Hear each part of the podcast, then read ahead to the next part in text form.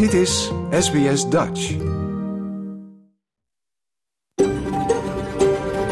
SBS, a world of difference. You're with SBS Dutch on mobile, online and on radio. Dit is SBS Dutch op mobiel, online en op radio. Graag erkennen wij de traditionele eigenaren van het land van waar we vandaag uitzenden. SBS Dutch betuigt daar respect aan de Camaragal mensen en hun ouderlingen uit het heden en het verleden. Ook erkennen we de traditionele eigenaren van alle Aboriginal en Torres Strait Islander landen van waar u vandaag naar ons programma luistert. Een hele goede morgen. Mijn naam is Paulien Roesink. Het is zaterdag 24 september en u luistert naar SBS Dutch, het Nederlandstalige radioprogramma van SBS. In deze uitzending bellen we met onze huishistoricus Ingeborg van Teeseling. Ze bespreekt dit keer Australische krijgsgevangenen ten tijde van de Eerste en Tweede Wereldoorlog. Hoeveel Australiërs werden er gevangen genomen? Waar zaten ze vast? En hoe waren de omstandigheden daar? Verder ook cabaret van Bert Visser, ons willekeurige weekoverzicht en fijne muziek van Nederlandse bodem. Maar ja, we beginnen zoals altijd met het nieuws.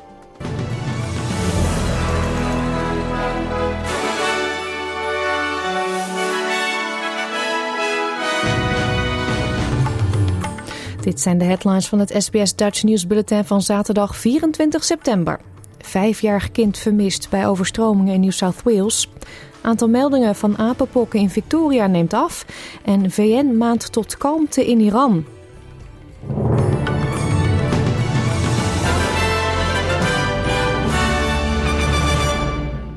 Delen van New South Wales en Queensland blijven op hun hoede nadat het water daar blijft stijgen, ondanks dat de regenval afneemt.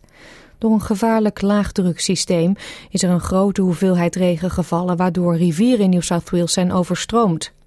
Het water beweegt zich nu richting de kust, waardoor er overstromingswaarschuwingen gelden voor delen van het binnenland. In Tullamore, in de buurt van Dubbo, wordt naast gezocht naar een vijfjarig kind.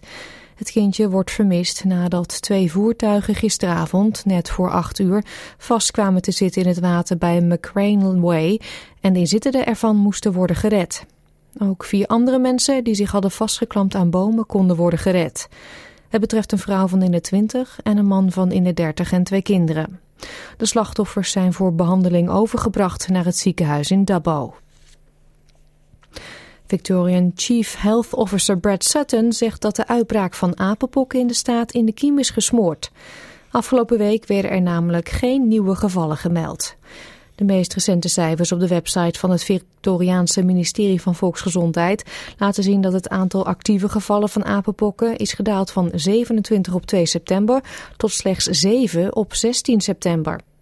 Sutton maakte het goede nieuws gistermiddag bekend op sociale media en zei dat de vooruitgang kon worden toegeschreven aan de pijlers in de publieke gezondheidszorg. Professor Sutton sprak in het bijzonder zijn dank uit aan de delen van de LGBTQI-gemeenschap die het hardst werden getroffen door de uitbraak. Degenen die in aanmerking komen voor vaccins worden aangemoedigd om hun interesse te registreren in afwachting van een groter aanbod volgende maand. Australiërs, Australiërs eerste kernaangedreven onderzeeërs arriveren mogelijk eerder dan verwacht. Het is een jaar geleden dat het AUKUS-verdrag tussen Australië, de VS en het Verenigd Koninkrijk werd gesloten. Volgens premier Anthony Albanese is er aanzienlijke vooruitgang geboekt bij het verwerven van conventionele bewapende nucleair aangedreven onderzeeërs. De Wall Street Journal meldt dat de regering van de Amerikaanse president Joe Biden overweegt de levering van de Australische onderzeeërs te versnellen als reactie op de groeiende invloed van China in de Stille Oceaan. Een eerste vloot zal halverwege de jaren 2030 kunnen arriveren. Ondertussen bouwt Australië zijn capaciteit op om alternatieven te produceren. President Volodymyr Zelensky beweert dat de referenda die worden gehouden in de bezette gebieden van Oekraïne door de wereld zullen worden veroordeeld. De door het Kremlin georchestreerde referenda in de regio's Lugansk, Gerson en in de door Rusland gedeeltelijk bezette regio's Zaporizhia en Donetsk worden gezien als een opmaat voor de annexatie van de gebieden door Moskou. De stemming, die wordt gehouden onder toezicht van de Russische autoriteiten, loopt tot en met dinsdag en zal vrijwel zeker in de richting van het Kremlin gaan. Volgens Zelensky is zijn voorgestelde vredesplan positief ontvangen tijdens de algemene vergaderingen van de VN. The world will react absolutely justly to pseudo referendums. They will be definitely condemned, and for the criminal mobilization that the occupiers are currently trying to carry out in Crimea and other parts of Ukraine, which they still control. These are not just crimes against international law and the law of Ukraine. These are crimes against specific people, against the people. De Verenigde Naties hebben opgeroepen tot kalmte te midden van massale protesten in Iran. Al bijna een week is het onrustig in Iran en zijn er anti-regeringsprotesten vanwege de dood van Masha Amini.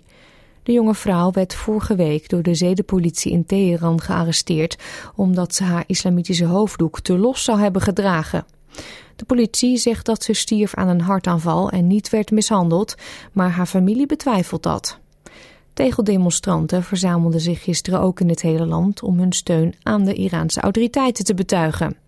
VN-woordvoerder Stefan Dujarric riep nogmaals op tot een goed onderzoek naar de zaak.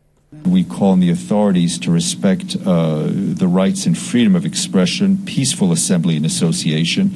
And we also call on the authorities to respect women's rights uh, and to take further steps to eliminate forms of discrimination against women and girls and implement effective measures uh, to protect them uh, from their uh, human rights violations in accordance with international standards.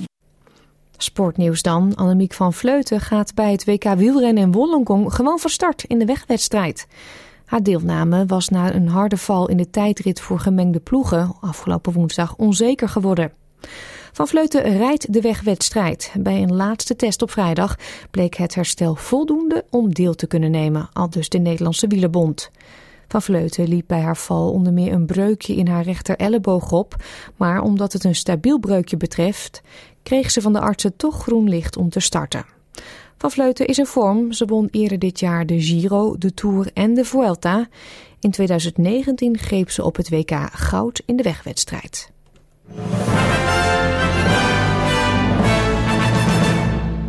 Kijken we nog even naar de weersverwachting voor vandaag. In Perth in de ochtend een paar buien en daar wordt het 18 graden. Adelaide zonnig ook 18. Melbourne kans op een bui of 2 in de ochtend 15 graden. Hobart buien 12. Canberra buien 17. Wollongong regen en 19 graden. Sydney buien 20. Newcastle ook daar buien 22 graden. Brisbane overwegend zonnig 28. Ook in Cairns is het zonnig 32 daar. En in Darwin schijnt de zon volop en wordt het 35 graden. Dit was het SBS Dutch News.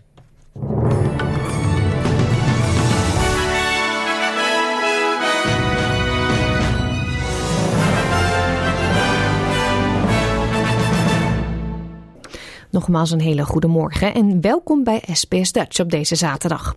Straks het overzicht van enkele belangrijke, bijzondere en spraakmakende nieuwsberichten uit Nederland. Maar eerst duiken we de geschiedenisboeken in. Dit is SBS Dutch. Vorige maand bespraken we de kampen voor krijgsgevangenen in Australië voor mensen waarmee we in oorlog waren. Dit keer vertelt huishistoricus Ingeborg van Teeseling over Australiërs die in het buitenland gevangen zaten tijdens Wereldoorlog 1 en Wereldoorlog 2. Om hoeveel Australiërs ging het? Waar zaten ze vast en hoe waren de omstandigheden daar? Ik kan u alvast verklappen, ook Nederland had Australische krijgsgevangenen. Jouw gemeenschap, jouw gesprek, SBS Dutch. Vorige maand hebben we het over krijgsgevangenen gehad met Ingeborg. We bespraken toen de kampen die er in Australië waren voor mensen waarmee we in oorlog waren. Deze keer, Ingeborg, wil het hebben over Australiërs die in het buitenland gevangen zaten. Hè? En je wilt beginnen in Japan. Waarom is dat? Op 16 eh, september 1945, nu bijna precies 77 jaar geleden, kwamen de eerste mannelijke krijgsgevangenen terug in Sydney. Ze hadden drie jaar in Japanse gevangenschap gezeten en ze zagen er vreselijk uit. Hoewel ze nieuwe uniformen hadden gekregen, was het duidelijk dat ze vel overbeen waren. Skeletten die nauwelijks konden lopen. Ze waren ziek, met uitgevallen of uitgeslagen tanden in hun mond. De Australiërs waren eerst gechoqueerd en daarna razend. Wat was er in godsnaam met hun jongens gebeurd? In het collectieve bewustzijn van de Australiërs, zelfs nu nog, onder meer door dat soort beelden, betekent krijgsgevangenschap in de Tweede Wereldoorlog Japan. Er zaten Australiërs gevangen in Europa in diezelfde oorlog. Er waren Australische krijgsgevangenen in de Eerste Wereldoorlog geweest en zelfs een paar in Korea. Maar Japan heeft zich vastgezet als de plek waar we het over hebben als we krijgsgevangenschap bespreken. En dat is trouwens niet vaak. Liever niet zelfs. Het Australische idee van oorlog heeft te maken met de legende van de Anzac. De soldaat die moedig is en flegmatiek. Een soort geinponem die tegelijkertijd de beste vechter is. Iemand die met zijn hoed op zijn hoofd alles aan kan. Een held. En dat rijmt een beetje onhandig met gevangenschap. Als je gevangen zit ben je machteloos. Je kunt niet vechten. Je kunt eigenlijk niks. Een historicus heeft het wel eens geslachte mannelijkheid genoemd. Ze schamen zich ervoor. En zeker in het geval van Japan, omdat ze zich daar moesten overgeven aan een niet-wit land. In het Australië van de White Australia Policy was dat een extra probleem. Australiërs dachten nog dat witte mensen overal beter in waren, zeker in het voeren van de oorlog. Hun ervaringen in de Tweede Wereldoorlog, vooral in de kampen, bewees iets anders. Hoe waren ze er eigenlijk terechtgekomen in die kampen daar? Nou, vroeg in de oorlog waren er zo'n uh, 27.000 Australiërs in het noorden aan het vechten. In de gebieden die toen in handen waren van de Nederlanders, zoals Nieuw-Guinea en West-Timor, maar ook in de rest van wat nu Indonesië is en op wat andere eilanden. Maar het grootste gedeelte zat in Singapore. Churchill had gevraagd om veel troepen en het idee was dat Singapore niet kon vallen. Maar in 1942 ging alles mis. De Japanners vielen op 15 februari Singapore binnen en namen daar 15.000 Australiërs gevangen. Nog in 7000 werden in de rest van de regio vastgenomen en in totaal zaten er dus 22.000 mensen gevangen.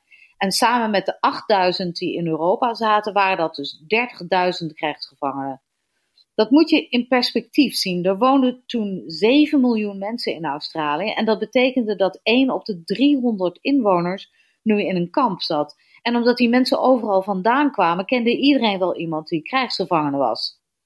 De Japanners, nog veel meer trouwens dan de Australiërs, geloofden ook dat gevangenschap oneervol was. Vechten dat je erbij doodviel was de norm en als dat niet mogelijk was, dan moest je proberen jezelf van het leven te beroven. En met dat idee in hun hoofd behandelden ze ook hun krijgsgevangenen. Binnen 14 dagen waren 500 mannen geëxecuteerd met zwaarden of met bajonetten, Sommigen waren tegen de muur gezet of doodgeslagen en de rest werden naar kampen gebracht. Het grootste kamp was Changi, Singapore, op het eiland dus. En Changi heeft een hele slechte naam, maar in vergelijking met wat er voor de meeste gevangenen in het vooruitschiet lag, viel het enorm mee, zeker in het begin. Het kon Japanners eigenlijk dus niet schelen wat er met hun gevangenen gebeurde. Ze respecteerden hen niet, dus ze lieten het zich voornamelijk het zelf uitzoeken. En dat deden de gevangenen dus. Ze zetten een systeem op waarbij ze voedsel en medicijnen rantsoeneerden. Ze groeven latrines, begonnen groentetuintjes en hielden zelfs kippen. Ze startten een soort school en een universiteit waar mensen konden leren lezen en schrijven aan de ene kant van het spectrum of Latijn aan de andere kant van het spectrum. Eén slimmerik had zelfs een radio verstopt in de kop van een bezem. Er was niet genoeg te eten of te drinken en het was zwaar, maar het, relatief genomen viel het mee maar 10% van de gevangenen stierf in Changi. Dus het werd erger na Changi? Ja, nogal. Vanuit Changi werden bijna alle Australiërs binnen een jaar naar werkkampen gebracht. En de meest beroemde, de meest beruchte waren de kampen langs de route van de Thai-Burma Railway. De spoorlijn van de dood, zoals die werd genoemd. In 1942, moet je begrijpen, waren de Amerikanen steeds gevaarlijker geworden in de zeeën in de regio. En dat betekende dat de Japanners op zoek waren naar een alternatieve route om hun troepen en voorraden te verplaatsen.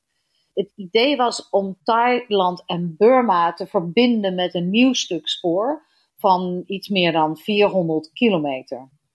Die ging voor het grootste gedeelte door de jungle en daar hadden ze natuurlijk arbeiders voor nodig.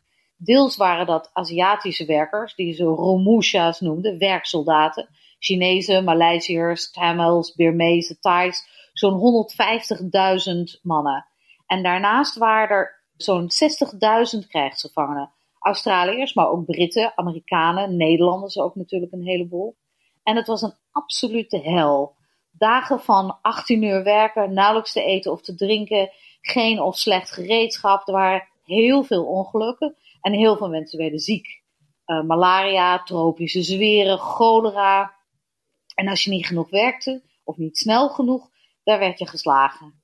Als een stuk van de rails klaar was, dan volgde er een lange mars, vaak s'nachts, naar de volgende plek. En bij dat soort marsen overleden ook veel mensen. De doktoren, mensen zoals de beroemde Weary Dunlop, verzonnen van alles om ze in leven te houden. Ze maakten hun eigen infusen die ze dan met naalden van bamboe toedienden bijvoorbeeld. Tijdens het aanleggen van de spoorlijn van de dood, vooral tijdens episodes zoals Hellfire Pass in 1943, overleed een derde van de Australische krijgsgevangenen. En als je dat vergelijkt bij de Britten en de Amerikanen overleed ook een derde, maar bij de Nederlanders was dat cijfer veel lager, onder de 20% De Nederlanders hadden natuurlijk het geluk dat ze de regio goed kenden, omdat ze er vaak lang gewoond hadden of zelfs geboren waren. En het grootste deel van de Nederlandse krijgsgevangenen hoorde bij de knil. Dat waren jongens die tegen een stootje konden. Het ergste sterftecijfer was dat trouwens onder de Romusha's, onder die werksoldaten, die Aziatische werkers. Bijna vier van de vijf stierven. Dat is wel triest, die cijfers. Wat betreft de Australische krijgsgevangenen, vielen alle doden rond die Thai-Burma-spoorlijn? Nee, één op de vijf doden viel op zee. Bijvoorbeeld omdat hun uh, schip getorpedeerd werd door de Amerikanen. Dat gebeurde bijvoorbeeld op uh, eh, 1 juli 1942, toen een Japans transportschip, de Montevideo Maru, werd getorpedeerd door een Amerikaanse onderzeeër. 845 krijgsgevangenen en 308 burgers stierven daarbij. En in september 1944 werd een andere boot, de Rohio Maru, getorpedeerd met meer dan 2000 Britse en Australische krijgsgevangenen aan boord. De meeste van hen stierven ook. Degenen die een reddingsboot hadden gevonden bij dat uh, speciale ongeluk werden door de Japanners doodgeschoten. En sommigen kwamen om van de dorst, vaak na zes of zeven dagen op zee. En dan was er nog de kwestie van de Warner Brook. Die was op 12 februari 1942 vanuit Singapore vertrokken, onderweg naar Australië. Dat was een heel klein schip, eigenlijk gebouwd voor 12 passagiers. Maar er waren 200 mensen aan boord. Voornamelijk burgers uit de buurt en 65 eh, Australische verpleegsters van de Australian Army Nursing Service die in Singapore hadden gewerkt. Twee dagen later lieten de Japanners het voor de kust van Sumatra zinken. En 22 van de verpleegsters die wisten bij Bangka Beach het land te bereiken. En dat was tamelijk ongelukkig, want daar stuitten ze op een groep Japanners. Ze werden eerst verkracht en daarna doodgeschoten. Eén van hen, Vivian Bullwinkle, overleefde. En zij vond later haar andere collega's die het hadden overleefd. 32 verpleegsters zaten tegen die tijd in een kamp in Palembang. Samen met zo'n 700 vrouwen en kinderen van andere nationaliteiten. Waaronder heel veel Nederlanders trouwens. Die vrouwen werden ook schandalig behandeld. Eigenlijk net een beetje zoals de mannen. Weinig en slecht eten en drinken. Een vies kamp waar ze alles zelf moesten doen. Geen pakketten van het Rode Kruis, geen brieven, hard werken, geen privacy enzovoort. Ze deden hun best trouwens. Zo organiseerden een koor en een bibliotheek en sportwedstrijden en gaven later zelfs een krant uit, de Camp Chronicle. Maar omdat dit vrouwen waren, liepen ze natuurlijk nog een ander risico, verkrachting. Ja, en dat gebeurde dus ook met die Australische verpleegsters?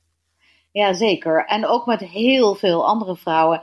Een van hen, een Nederlandse, heb ik ooit eens daarover geïnterviewd. Kay Ruisveld zat in een kamp met haar twee jonge dochters. Haar man zat in een ander kamp en zou de oorlog ook niet overleven. En in het kamp waar Kay en de meisjes zaten, kreeg Kay een keus. Of zij als troostmeisje of haar dochters. Zoals veel vrouwen in die tijd offerde Kay zich dus op voor haar dochters. Ja, troostmeisje, de term ken ik nog niet echt. Ik kan me er wel wat bij voorstellen. Zou je er eens wat over kunnen uitleggen? Uh, tijdens de oorlog hadden de Japanners 200.000 vrouwen in dienst als wat zij troostmeisjes noemden. Ik zeg in dienst, maar ze waren natuurlijk gewoon gedwongen. En troostmeisje betekende gewoon seksuele slavernij. Het waren vooral Koreaanse vrouwen, maar ook Chinese, Britten, Australiërs en bijna 70.000 Nederlanders. Vrijwel elke dag werden ze verkracht door tussen de 5 en 60 soldaten per dag. De Japanners hebben dat altijd ontkend en zelfs nu houden ze nog vol dat de vrouwen het vrijwillig deden. Maar in 1992 was het een Nederlands-Australische die korte metten maakte met dat idee. Jan Ruff O'Hearn was 21 toen ze werd uitgekozen als troostmeisje, of zoals ze dat zelf noemde, seksslaaf. Drie maanden lang werd ze elke dag meerdere malen verkracht, zelfs door de Japanse dokter die ervoor moest zorgen dat de meisjes niet ziek waren.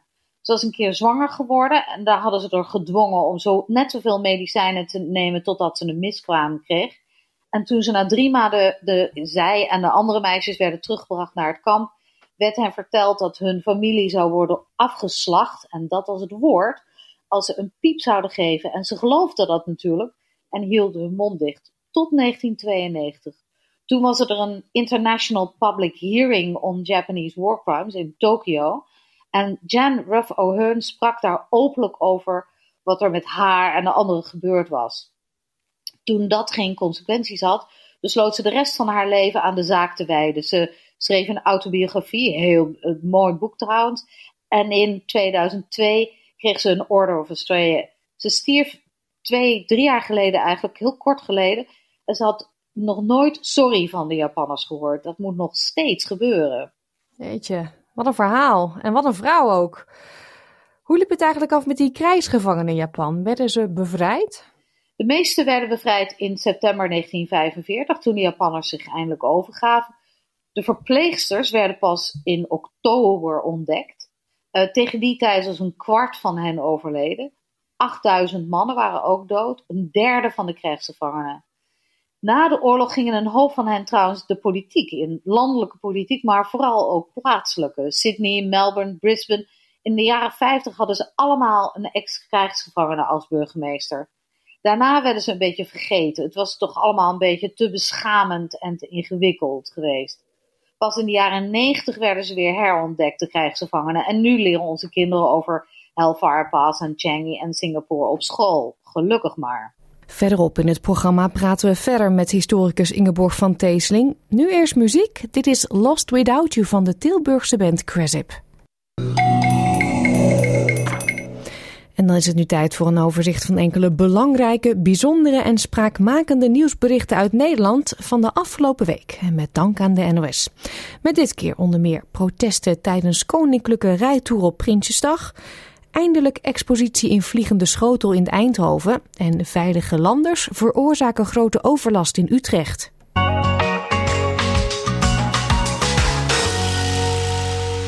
Boegeroep, fluitjes en kreten als landverraders en oprutten. Allemaal geluiden die afgelopen dinsdag op Prinsjesdag te horen waren tijdens de rijtour van de Glazen Koets. De meningen van toeschouwers over de protestacties van de boeren waren verdeeld.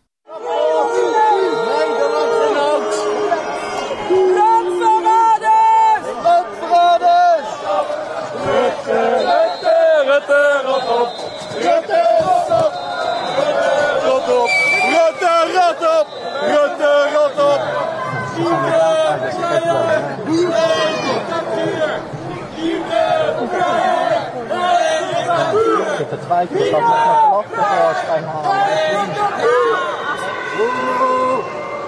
Oeh, niet genoeg. Nooit genoeg. Uh, jammer.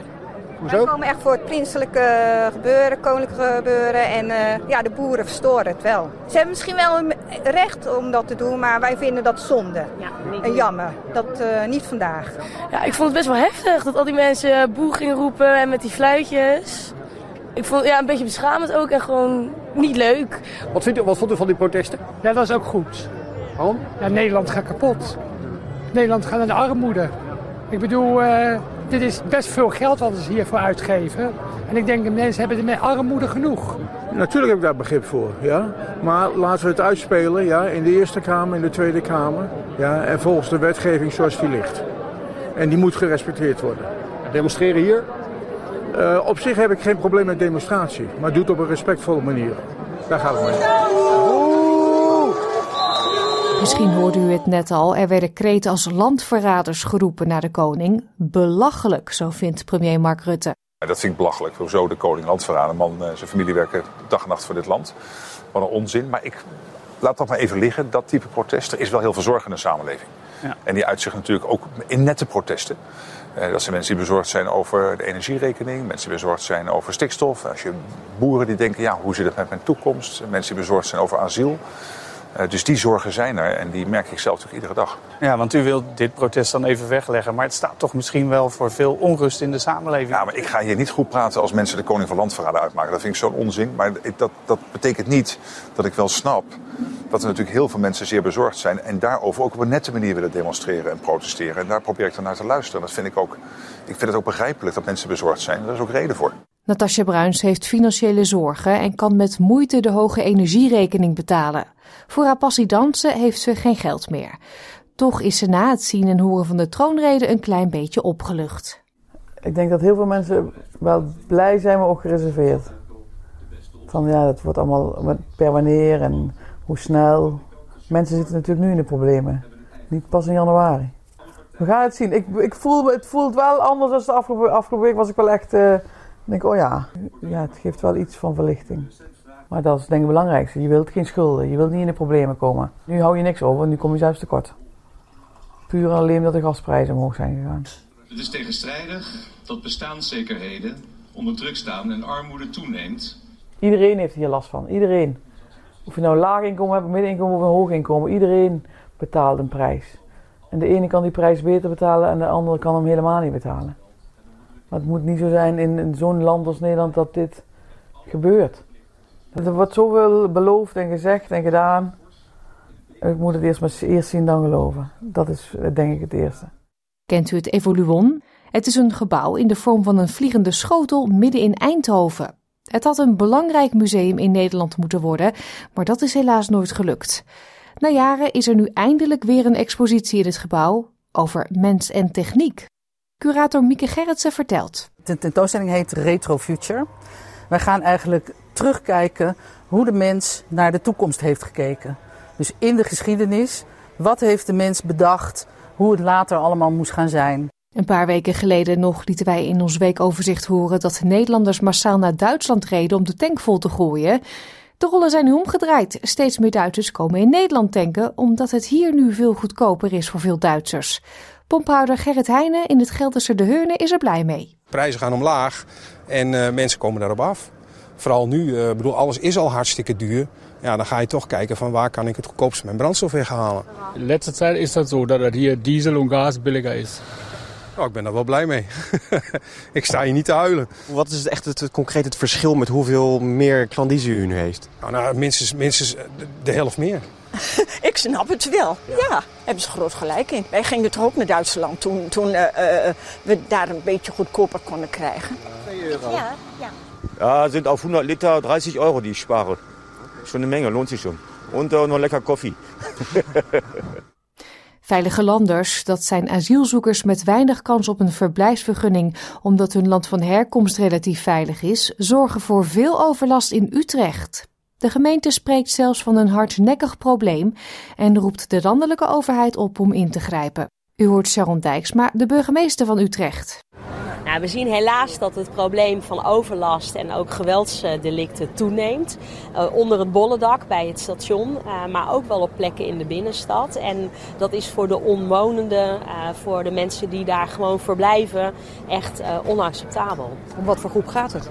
Het gaat om een groep van 80 tot 120 personen. verschillende samenstelling. We zien wel dat het aantal zogenaamd veilige landers daarbinnen toeneemt. Maar het zijn ook bijvoorbeeld mensen uh, arbeidsmigranten uit voormalige Oost-Europa en de gebruikelijke mensen uit onze eigen stad die met drank- en drugsproblematiek te kampen hebben. En gebeurt daar genoeg aan? Ja, want de politie doet absoluut wat ze kunnen, maar die kunnen niet alleen. En het is echt de gemeente. De, de overheid moet gebiedsverboden gaan instellen, moet een veiligheidsrisicogebied ervan maken. Dan kan er preventief gefouilleerd worden en dan kan er uh, harder opgetreden worden door de politie. Hoeveel last hebben jullie ervan? Nou ja, ze, ze komen hier uh, of, of, of, op het terras af en toe hangen. En het is vooral de aanwezigheid. Je merkt vooral dat de klanten zich niet veilig voelen. Uh, hun aanwezigheid, de sfeer op het plein is gewoon niet prettig. Al dus snackbarhouder Alwin Kolp. In Velsen ligt sinds deze week een groot cruiseschip uit Estland aangemeerd. Vanaf maandag komen er duizend asielzoekers aan boord die daar zo'n zes maanden kunnen blijven wonen. Het schip is een noodoplossing en een druppel op een gloeiende plaat. U hoort Milo Schoenmaker, bestuursvoorzitter COA, het Centraal Orgaan Opvang Asielzoekers, en de burgemeester van Velsen, Frank Dales. Het is een flinke druppel. Uh, het, het, helpt ons echt uh, om uh, asielzoekers te plaatsen. Maar uiteindelijk is de situatie in de toekomst natuurlijk anders. Grof gezegd, 2% van de asielzoekers is voor een half jaar opgevangen op een schip in Velsen-Noord. Ja, als je het zo bekijkt wel, ja. Maar een cruiseschip helemaal uit Estland laten komen, dat klinkt toch als een vrij dure oplossing. Ja, het is geen goedkope oplossing, dat is waar. Het is een groot schip met veel voorzieningen. Dit is ook niet de nieuwe standaard, zeg maar. Dit is echt een uitzondering. Maar eigenlijk steek ik de, de euro's die dit schip kost liever in een vaste plek in gemeenten. Daar zijn gemeenten bij gebaat en wij uiteindelijk ook. Bent u trots? Ik ben uh, zeker trots, um, omdat de gemeente Velsen opstaat als zij benaderd worden door de minister. En gelukkig was mijn gemeenteraad een overweldigende meerderheid ermee eens dat we een bijdrage moesten leveren. Waren er bezwaren van omwonenden? Ja, natuurlijk zijn er bezwaren van omwonenden, dat snap ik ook. Uh, hier vlakbij is een uh, dorp van 5000 inwoners, Velsen Noord. En dan komen er opeens duizend mensen uh, bijna in je achtertuin. en of dat nou asielzoekers zijn of scouts, zal ik maar zeggen, duizend man geeft altijd overlast. Dat snap ik heel goed. Tot zover dit weekoverzicht.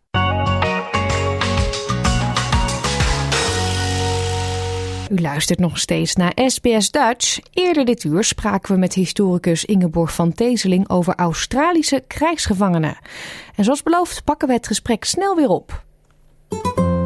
Dit is SBS Radio Dutch. We hebben het uh, al eerder gehad in deze uitzending over krijgsgevangenen tijdens de Tweede Wereldoorlog. We concentreerden ons toen op Japan, maar je zei toen ook dat er mensen gevangen zaten in Europa. Ja, er zaten dus 22.000 mensen gevangen in Azië en 8.000 in Europa. Een deel van hen waren gevangen genomen door de Italianen, doorgaans in Noord-Afrika, en een deel door de Duitsers. Van alle gevangenen waren er zo'n 1500 vliegeniers, een handjevol zeemannen en de rest waren landtroepen die in de buurt aan het vechten waren geweest. 3000 Australiërs werden door de Duitsers gevangen genomen op Kreta in 1941. Er waren acht Italiaanse gevangenkampen in allerlei plekken in Italië. En net als in de Duitse kampen werd er onderscheid gemaakt tussen officieren en gewone soldaten. De officieren hoefden niet te werken, ze kregen beter te eten en ze stierven dus ook minder vaak. De gewone jongens kwamen in Italië bijvoorbeeld in Campo 57 terecht, waar ze het moesten doen met een uiterst sadistische kampcommandant die uithongering als straf gebruikte en eenzame opsluiting en heel veel aframmelingen. Een groot deel van de gevangenen die daar zaten liepen longontstekingen op en nierziekte.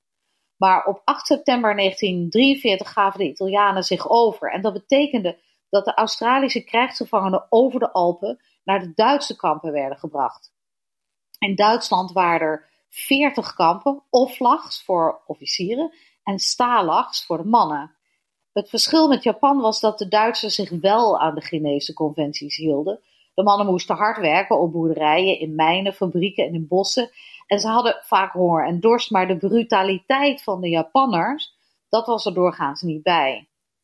Nou ja, wel als je probeerde te ontsnappen natuurlijk. Zoals op 24 maart 1944, toen een groep van 200 probeerde om uit Stalag Luft 3 te komen. Ze hadden een jaar lang drie tunnels gegraven, wat nog niet makkelijk was, want ze zaten in Polen en daar was het nogal vaak koud en de grond hard. Maar ze probeerden het wel. Maar het ging ontzettend mis. Vijftig werden opgepakt, eh, vermoord door de Gestapo en anderen werden naar concentratiekamp Boegenwald gebracht. Drie mannen, en alleen maar drie mannen haalden de finishlijn. Dit verhaal ken je natuurlijk, want het boek en de film van The Great Escape zijn daarop gebaseerd. Hoewel het daar natuurlijk altijd Amerikanen zijn, zoals altijd in de film. Aan het eind van de oorlog moesten veel mannen op lange mars. De Russen kwamen eraan en de Duitsers wilden proberen om hen voor te zijn. Toen zijn heel veel mensen overleden. En ook hier waren er slachtoffers van wat ik maar even friendly fire zal noemen. Op 17 augustus 42 werd het Italiaanse schip de Nino Bixio getorpedeerd door de Britse onderzeeër HMS Turbulent. Ze had 3000 geallieerde krijgsgevangenen aan boord en meer dan 10% stierf. Maar de sterftecijfers waren lang niet zo erg als in Japan. Van de 8000 mannen stierven er maar 265. En aan het eind van de oorlog werden de mannen naar Engeland gebracht. Daar bleven ze doen een paar maanden, omdat de oorlog in de Grote Oceaan om Australië nog niet was afgelopen. En in Engeland kregen ze dus goed te eten en te drinken. En toen ze eindelijk in Australië aankwamen, zagen ze er eigenlijk best aardig uit. Zeker in vergelijking met de mannen die uit Japan waren gekomen. En daardoor ontstond het misverstand dat ze het gezellig hadden gehad eigenlijk. En dat er niks met ze gebeurd was. Vandaar dat deze groep of gevangenen vooral een beetje vergeten is. Maar het was dus geen vakantiereisje. Nee, dat kan ik me wel voorstellen. Maar we hebben nu de Tweede Wereldoorlog besproken. Ik ben eigenlijk ook wel benieuwd naar de Eerste Wereldoorlog. Hoe verging het de Australiërs toen? In totaal werden er ruim 4000 mannen gevangen genomen. 217 door de Turken, de bemanning van een onderzeeër bijvoorbeeld, soldaten uit de Gallipoli-campagne en mannen van de Australian Light Horse, de Camel Corps en vliegeniers die gevangen waren genomen in het Midden-Oosten. Een kwart van die mannen stierf. Wat het meest interessante is van dat cijfer is dat daar niet één officier bij zat. Niet één officier stierf. De Turken zagen de officieren als speciale mensen die een speciale behandeling moesten krijgen. En de mannen zaten in de, de vieze uh, cellen en in barakken. Maar de officieren zaten meestal in hotels en sommigen zelfs in privéhuizen met personeel. De mannen moesten marcheren, de officieren werden in rijtuigen van de A naar B gebracht. De mannen kregen slecht eten, hadden te maken met ratten en luizen, werden geslagen en moesten hard werken, maar de officieren kregen goed eten en hoefden niet te werken. De meeste van de mannen werkten, net als in de Tweede Wereldoorlog, aan een spoorlijn. Deze keer een lijn die van Berlijn naar Bagdad moest lopen. En dat was geen grapje. Ze moesten tunnels graven, rails zagen en leggen, bomen omhakken, werken in steengroeven. Dat is waar het grootste gedeelte van de mannen stierf. Ja, en de Turken namen dus zo'n 200 man gevangen. De rest van die 4000 viel in handen van de Duitsers? Ja, vooral aan het front in België en Frankrijk. 470 in Formel in 1916, meer dan 1100 in Bulcourt in 1917 en 400 in Dernancourt in 1918. En daarnaast waren er nog zo'n 75 Australiërs die op dat moment als gewone burgers in Duitsland woonden. En nog wat anderen hier en daar. Zij verdwenen ook in de kampen. Er waren een paar kampen, maar het ergste was een kamp dat net achter de Duitse frontlinie lag. Mannen daar moesten niet alleen hard werken, maar het werk was ook vreselijk. Het begraven van mannen in graven die je zelf gegraven had, dus oorlogsdoden.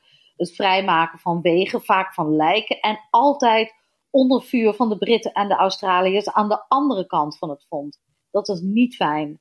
Maar de Duitsers zagen het als wraak voor de manier waarop hun eigen krijgsgevangenen behandeld waren door de Britten en de Fransen.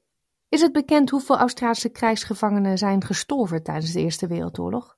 Ja, van de 4000 gevangenen stierven er 397. Meer dan de helft daarvan stierf trouwens aan wonden die ze op het slagveld hadden opgelopen. Dus het viel eigenlijk nog wel mee. Degenen die het echt redelijk goed hadden waren de Australische officieren, weer de officieren, die door de Duitsers gevangen waren genomen. Als ze ondervraagd werden, ging dat niet met slaan, maar met een goede cognac en een sigaar. En als gevolg daarvan vertelden een heleboel Australische officieren de Duitsers alles wat ze wilden weten. De officieren trokken zich ook niet echt iets aan van hun mannen. En dat is wel grappig natuurlijk, dat het verhaal is dat er geen klassenverschillen zijn in Australië, maar dat blijkt in oorlogen dus toch anders te zitten. De officieren zaten in aparte kampen waar ze aan theater deden en sport en gokken. En aan het eind van de oorlog, in 1918, werd er voor hen een speciale regeling in het leven geroepen. Als ze meer dan anderhalf jaar vastgezeten hadden, dan kwamen ze in aanmerking voor overplaatsing naar een neutraal land, naar Zwitserland bijvoorbeeld of naar Nederland. Zo'n 200 Australische officieren werden naar Nederland gebracht en kregen een hotelkamer in Scheveningen aan het strand. En daar zeurden ze vooral veel dat het eten niet goed genoeg was en dat hun kamers niet groot genoeg waren. Een paar werden er ook opgepakt trouwens voor openbare dronkenschap of aanranding. Maar je bent serieus, Australische krijgsgevangenen in Nederland? Ja, en dat zeuren kwam natuurlijk al, niet alleen omdat het idioten waren. Alle Australiërs schaamden zich rot dat ze gevangen waren genomen. Dat was niet zoals het hoorde in de Anzac-legende en dat klopte niet met het zelfbeeld als held. En daarom vind ik het ook zo geestig dat de grootste Australische helden in de Eerste Wereldoorlog vrouwen waren. Ja, vrouwen natuurlijk. het Australische Rode Kruis in Londen werd gerund door twee formidabele dames. Mary Elizabeth Chomley was het hoofd van het bureau. Ze was in Victoria geboren, waar ze haar hele leven een suffragette was geweest. En in het begin van de oorlog had ze in een ziekenhuis in Londen gewerkt, maar al snel had ze het Rode Kruis daar opgezet. Zij zorgde dat iedereen pakketten kreeg met eten en brieven van thuis. En zij maakte ook, als ze daar de mogelijkheid voor had, foto's van de gevangenen voor hun families thuis.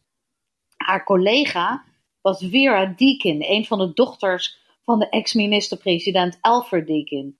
In 1914 was ze net muziek aan het studeren in Budapest, maar toen de oorlog uitbrak nam ze het schip naar Cairo waar ze de allereerste Wounded and Missing Internees Bureau oprichtte. Ze was 23 tegen die tijd en haar biograaf noemde haar ooit een self-styled despot. Ze zorgde voor de gewonden en als er mannen vermist waren, dan deed ze alles om ze weer te vinden. Het was een buitengewoon stevige mevrouw. In 1920 trouwde ze trouwens met een ex-krijgsgevangene, Tom White, die als piloot gevangen was genomen in Irak door de Turken. Vera en Mary Elizabeth zouden het grootste gedeelte van hun leven voor de Rode Kruis werken. En in het War Memorial in Canberra kun je zakken vol brieven en kaarten zien die dankbare soldaten aan hen geschreven hebben. Die dames, die waren de Australische trots, wat mij betreft. Nou, daar ben ik het wel mee eens. Dankjewel, historicus Ingeborg van Teeseling. Graag gedaan. Ja, en hiermee komen we aan het einde van deze aflevering van SBS Dutch. Deze uitzending en al onze andere verhalen en podcastseries zijn terug te luisteren op onze vernieuwde website www.sbs.com.au Dutch. Heeft u een smartphone of tablet, dan kunt u ook de gratis SBS Radio app downloaden. Dat kan in de App Store of Google Play. We sluiten af, u hoort het al, met The Golden Earring Radar Love. We zijn er volgende week weer op woensdag. Dan ook de tweede aflevering van onze podcastserie aan boord over de VOC in Australië. Ik wens u een heel fijn weekend. Wil je nog meer soortgelijke verhalen? Luister via Apple Podcasts, Google Podcasts, Spotify of waar je je podcasts dan ook vandaan haalt.